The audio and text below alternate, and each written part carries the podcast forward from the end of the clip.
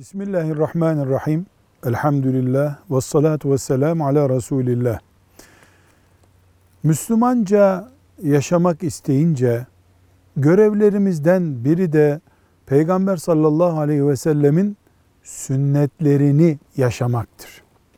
Her ne kadar bu sünnetler farzlar gibi yapmazsan Allah muhakkak hesabını sorar denen şeyler değilse de Müslümanlığımızın rengini ve kalitesini oluşturuyor. Ama çok sünnet var. Bu sünnetlerde bir tercih sıralaması yapabilir miyiz?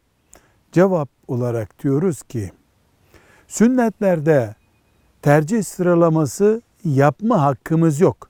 Ama becerebildiğimizi yapma görevimiz var.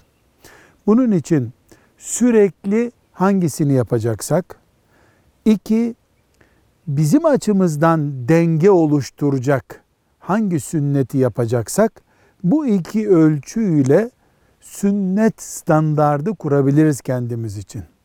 Sabah namazının sünneti, öğlen namazının sünneti zaten farzlarıyla beraber yapılıyor.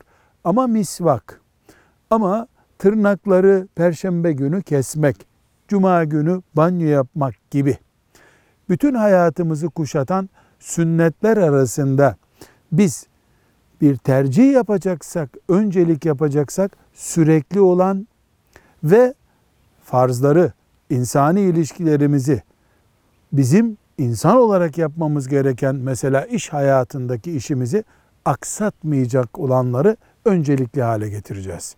Velhamdülillahi Rabbil Alemin.